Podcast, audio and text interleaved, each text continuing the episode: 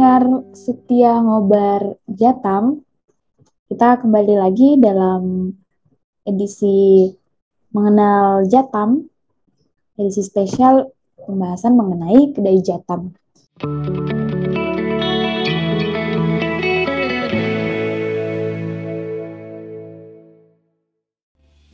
Halo pendengar setia ngobar Jatam, kita kembali bertemu dalam edisi kedua mengenal Jatam di edisi sebelumnya kita sudah berbincang banyak mengenai Jatam bersama Bang Merah dan kali ini saya mau mengajak para pendengar untuk lebih mengenal Jatam dan uh, kita akan berbincang mengenai kedai Jatam. Nah, apa itu kedai Jatam? Kemudian apa saja yang ada di sana, seperti apa modelnya, siapa saja yang bisa uh, bergabung di situ.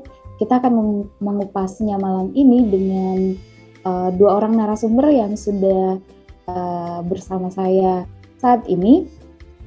Nah, um, sebelum saya mengenalkan kedua narasumber ini, saya mau uh, membawa pendengar untuk kembali mengingat di sesi mengenal Jatam yang sudah kita uh, perbincangkan mengenai semangat perlawanan dan juga pemulihan yang dibawa oleh Jatam itu kemudian uh, tidak hanya diwujudkan melalui uh, perlawanan di tapak-tapak tambang, tapi juga upaya-upaya uh, pemulihan yang kemudian dilakukan Jatam untuk uh, memulihkan wilayah-wilayah yang uh, terdampak. Nah, uh, di sini sudah ada dua orang narasumber. Saya kenalkan dulu. Uh, yang pertama ada Bang Aril. Halo, Bang Aril. Halo Kak Wiwin. Halo, halo. Apa kabar Kak Wiwin? Ih, kabar. Nah, Bang Ariel ini uh, kita sebut apa ya? Uh, orang andalan di kedai Jatam. Nah, beliau ini tukang seduh. Uh, mintanya disebut tukang seduh atau peracik nih di kedai Jatam. Nah, Bang Ariel sudah meracik berapa kopi nih hari ini? Hari ini baru satu kopi, satu jamu. Oke, satu kopi satu jamu. Nah, uh, selain Bang Aril, uh, kita juga mengundang uh, Bang Bagus. Halo, Bang Bagus. Halo, selamat pagi, siang, sore, malam. Saya okay. sudah kopi dua kali dan jamu sekali. Ois, ternyata yang diseduhkan Bang Aril adalah Bang Bagus. Mantap ini. Nah, uh, rekan pendengar, kita akan berbincang-bincang dengan uh, kedua narasumber ini. Dan uh, sebelum kita tanya lebih jauh mengenai semangat perlawanan, semangat uh, pemulihan, dan juga uh, apa saja sih yang dilakukan oleh Jatam. Nah, kita mau tanya dulu nih, uh, seperti apa ceritanya sampai kedai Jatam ini bisa lahir dan uh, menjadi bagian dari perlawanan pemulihan melawan tambang.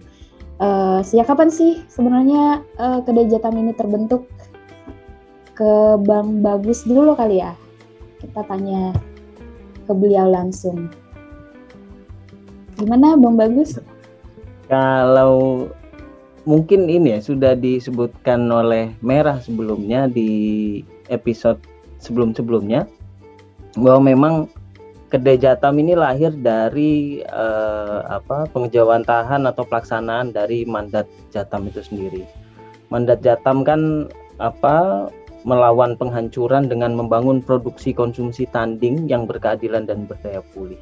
Mm-hmm. Nah sebenarnya mandat ini sudah apa ya sudah melekat begitu ya ke Jatam sejak pertemuan nasional 2010 2010 waktu itu di Surabaya. Kemudian baru mulai apa mulai keluar rintisannya bahwa membangun produksi produksi konsumsi tanding yang berkeadilan dan berdaya pulih itu perlu uh, sebuah apa etalase begitu ya untuk mempromosikan upaya pemulihan dan produksi tanding dari kawan-kawan yang ada di simpul-simpul perlawanan pemulihan. Makanya uh, sejak 2014 uh, Jatam mulai merintis berdirinya kedai Jatam. 2014-2015 walaupun waktu itu masih sangat apa masih sangat uh, benar-benar memulai dari nol ya. Kita tidak tahu konsep kedai yang sebenarnya itu seperti apa kita tidak mengerti uh, belum ada ini ya belum ada contoh atau apa semacam kedai atau koperasi yang bisa dijadikan sebagai contoh oleh Jatam untuk membangun sebuah etalase produk dari komunitas-komunitas yang sedang melakukan perlawanan pemulihan. Tapi itu uh, kita juga belajar juga dari situ 2014 kita dengan salah satu mantan uh, apa koordinator Jatam Bang Ambon itu uh, membimbing kita yang ada di Jatam waktu itu dengan kawan-kawan terminal benih. Itu uh, mulai belajar dari kawan-kawan yang sedang melakukan uh, perlawanan pemulihan. Teman-teman yang ada di Bogor dengan kawan-kawan pesantren agroekologi kemudian juga dari eh, simpul-simpul jaringan Jatam yang lain dan akhirnya sampai di 2005, 2016 kalau saya tidak salah ingat baru kita mulai serius untuk uh, membangun sebuah kedai Jatam begitu ya sebagai uh, etalase dari produk-produk komunitas yang sedang melakukan perlawanan pemulihan. Dan ini sebenarnya walaupun namanya kedai tapi apa ya bukan hanya sekedar menjadi tempat memajang produknya warga tapi juga kedai juga memiliki mandat, memiliki tanggung jawab untuk mempromosikan upaya-upaya pemulihan yang sedang dilakukan oleh warga. Nah, kenapa Jatam sejak terutama sejak pertemuan nasional 2016 ya menganggap atau menilai pentingnya sebuah apa promosi upaya pemulihan dan ekonomi tanding yang ada di warga karena belajar dari banyak tempat uh, upaya perlawanan yang berhasil, upaya melawan industri ekstraktivisme yang berhasil itu selalu dibarengi dengan upaya pemulihan dan ekonomi tanding yang lahir dari warga. Hmm. Makanya apa kita melihat ini harus di apa harus dipromosikan harus disebarkan ke banyak orang tidak hanya yang ada di tapak tapi juga masyarakat yang ada di urban yang ada di perkotaan bahwa eh, mereka ini tidak sekedar tolak dan melawan tapi mereka punya solusi tanding mereka punya eh, apa jawaban atas narasi-narasi kesejahteraan palsu yang dibawa oleh industri pertambangan. Mungkin begitu Kak Wiwin. Oke, oke. Berarti uh, pemulihan ini juga menjadi salah satu uh, pesan ya yang disampaikan uh, oleh Kedai Jatam.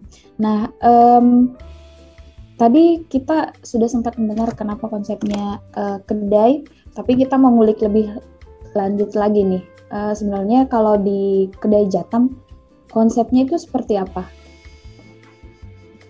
Bang Ariel kali ya. Kalau konsepnya kedai Jatam seperti yang bag bagus bilang tadi, kedai Jatam lebih ke arah etalase atau kanal. Hmm. Tapi di sini kita ambil sisinya, sisi yang lebih agak funnya lah, uh, sisi yang bentuknya ngopi bareng, kita cerita bareng di kedai kopi, terus teman-teman komunitas bisa saling apa, saling cerita, berbagi ah, tentang apa gerakan teman-teman di sana, seperti itu. Nah, artinya kedai Jatam di sini dia lebih uh, uh, lebih ke arah uh, berbagi cerita antar sesama penggiat lingkungan atau sesama aktivis-aktivis yang ada di base Jakarta atau di Indonesia. Seperti itu Kak Wiwin. Hmm, berarti uh, dia juga menjadi sebuah pusat uh, informasi ya antar Betul. komunitas. Uh, uh. Nah kalau Saling di titik temu ya, lah. Oke titik temu. Nah, kalau uh, di Jatam berarti ada produk-produk yang ditawarkan kan ya. Kalau uh, konsepnya berupa kedai, nah di, di kedai Jatam itu produk dan uh, ceritanya apa-apa saja tuh, Bang? Kegiatannya mungkin, aktivitasnya di sana seperti apa selain ngopi-ngopi tadi uh, ada hal lain tidak yang uh, diagendakan oleh kedai Jatam? Nah, kalau untuk produk-produk dari komunitas itu sebetulnya uh, ada beberapa produk yang coba kita promosikan di kedai Jatam seperti misalkan uh, produk kendang melawan.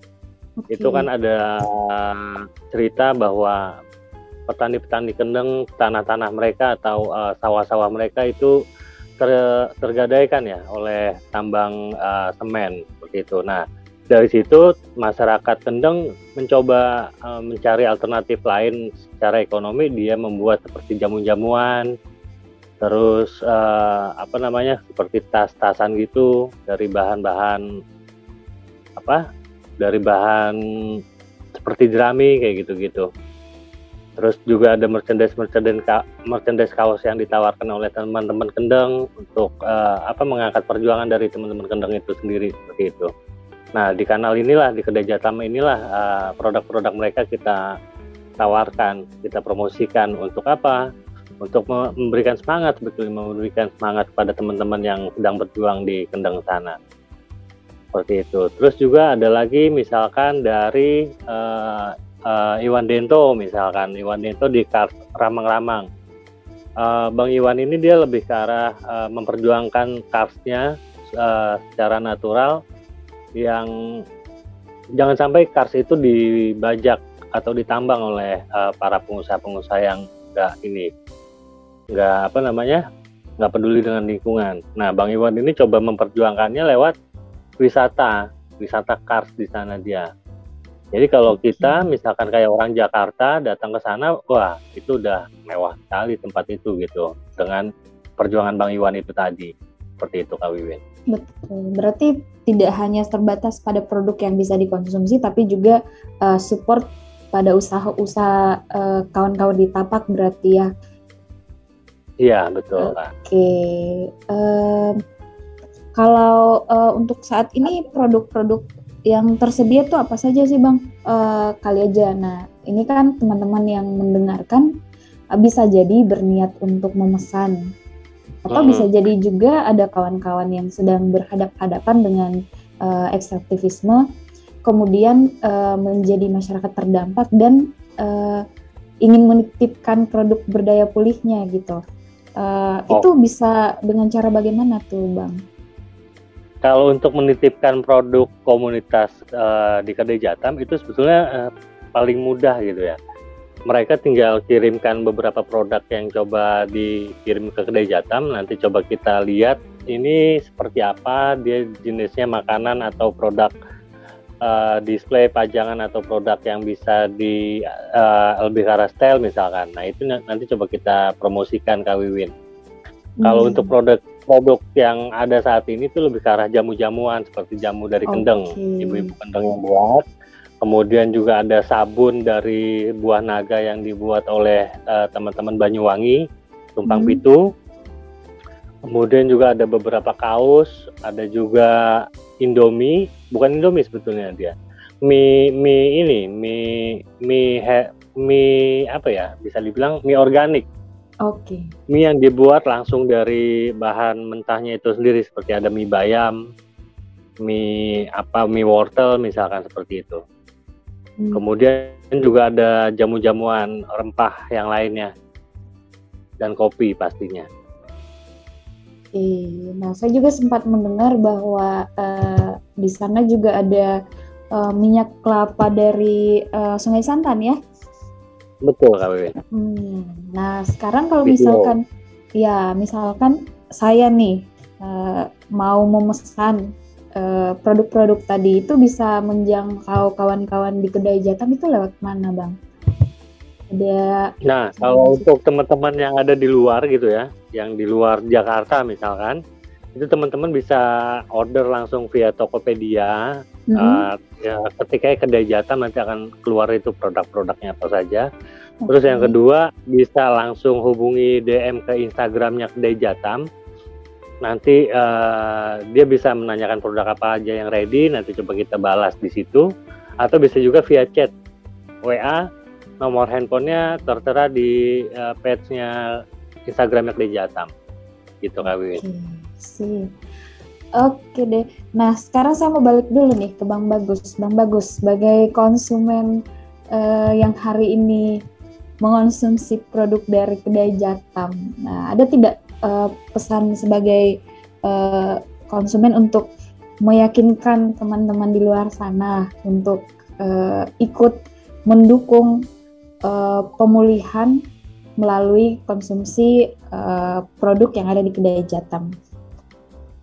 Ya, uh, apa sebenarnya Jatam kami di kedai Jatam sebenarnya misinya kan memang apa sebagai kanal dan sebagai penghubung hmm. uh, penghubung apa ya informasi dari tapak dari masyarakat yang sedang melakukan perlawanan pemulihan dengan orang-orang yang ada di urban di perkotaan yang uh, apa kita tahu sendiri masyarakat di tapak terutama tapak-tapak industri pertambangan itu biasanya berada di kawasan yang pelosok jauh yeah. begitu dan sulit untuk apa ya akses komunikasi, akses untuk melakukan mm -hmm. promosi uh, produk-produk mereka dan itu yang apa menjadi salah satu misi Jatam untuk tidak hanya menyampaikan produk tapi juga menyampaikan pesan uh, yang ada di balik produknya. Makanya uh, kami selalu mengupayakan setiap apa ya, setiap produk, setiap barang yang dijual di kedai Jatam atau yang ditampilkan di kedai Jatam itu adalah produk-produk yang memiliki cerita di belakangnya terkait soal perlawanan masyarakat atau upaya pemulihan warga yang ada di tapak-tapak pertambangan. Karena eh, mungkin semakin ke sini banyak orang yang lebih apa lebih paham, lebih aware begitu ya, lebih peduli soal keberlanjutan ruang hidup, keberlanjutan lingkungan dan ya ini menjadi salah satu apa menjadi salah satu target Jatam untuk menyampaikan hmm. bahwa eh, permasalahan kita tidak hanya sekedar macet-macetan loh yang di Jakarta soal isu lingkungannya, tapi juga macet-macetan kalian itu eh, juga di dalam tanda kutip disubsidi oleh masyarakat yang apa masyarakat di tapak-tapak pertambangan di kampung-kampung begitu. Gaya hidup kalian ini, gaya hidup kita yang ada di perkotaan ini disubsidi oleh penderitaan warga-warga yang ada di kampung. Mungkin eh, maka itu ya bijak-bijaklah dalam apa melakukan konsumsi baik itu barang-barang eh, sehari-hari ataupun eh, terutama yang terkait dengan industri pertambangan ya Hmm. Dan satu hal yang kita apa kita tidak duga di awal ternyata kedai Jatam juga menjadi salah satu ruang ruang bersama akhirnya untuk e, mendiskusikan soal soal permasalahan lingkungan, soal permasalahan ekonomi politik dan lain-lain dan tidak jarang kita malah apa ya ya pada umumnya seperti kedai pada umumnya kadang-kadang kita ketemu dengan orang yang sangat random yeah. orang yang sangat acak gitu loh. Kita nggak tahu uh, orang yang kita ajak ngobrol ajak diskusi dia bisa menyampaikan ke berapa orang lagi. Mungkin uh, itu yang menjadi salah satu keunggulan apa upaya promosi yang dilakukan Jatam melalui konsep kedai ini. Karena di kedai kita akan ketemu dengan orang yang acak, tidak ketemu dengan orang yang memang sudah kita duga akan datang ke kedai. Begitu mungkin kali. Baik, iya.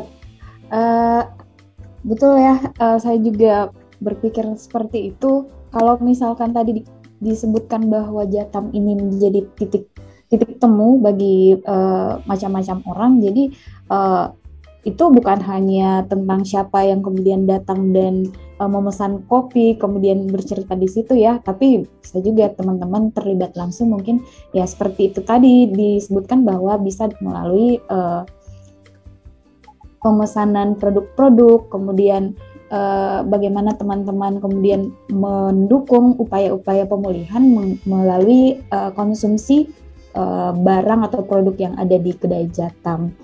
Nah, um, terakhir nih, uh, Bang Ariel sebagai um, peracik di kedai Jatam, apa yang mau disampaikan untuk para pendengar kita terkait uh, kedai Jatam? closing statementnya. Oke, okay, Kak Win.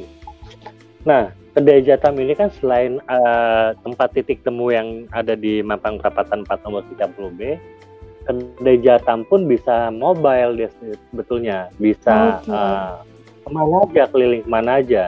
Misalkan nih, ada teman komunitas yang butuh dukungan untuk kita sajikan minuman, misalkan seperti hmm. itu. Siapa pun komunitasnya, yang penting dia satu ide idealis dengan kita, itu kita akan datang kita akan berikan minuman kepada tamu-tamunya mereka seperti itu. Terus juga di kedai Jatam ini kita jadikan atau kita gunakan sebagai ruang belajar bersama, bukan okay. hanya kedai kopi yang hanya sekedar kongko-kongko, tapi di situ kita ciptakan apa sih uh, produk yang lagi bagus dan menarik saat ini, yuk kita coba ciptakan seperti itu.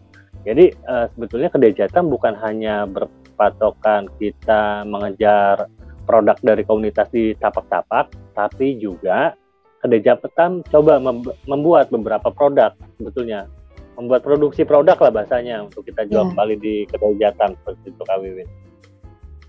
Oke, berarti ada banyak hal sebenarnya yang bisa kita uh, apa namanya kita bisa uh, temui ya di kedai Jatam. Nah, uh, menarik sekali. Uh, ternyata tidak hanya sebatas uh, datang membeli kopi, memesan kopi dan uh, mungkin berinteraksi, tapi juga ternyata di, di balik setiap cangkir yang kawan-kawan konsumsi atau di balik setiap produk yang bisa jadi teman-teman nanti uh, pesan itu uh, selalu ada cerita. Nah itu menjadi penekanan dan uh, ketika teman-teman memesan seperti tadi yang sudah dijelaskan itu uh, menghubungkan kita setiap orang yang uh, berinteraksi dengan kedai jatam dengan tapak-tapak uh, yang kemudian berusaha untuk memulihkan diri. Nah, uh, ini menjadi sebuah perbincangan yang menarik dan uh, saya harap dengan uh, podcast edisi kali ini kita uh, bisa melanjutkan dengan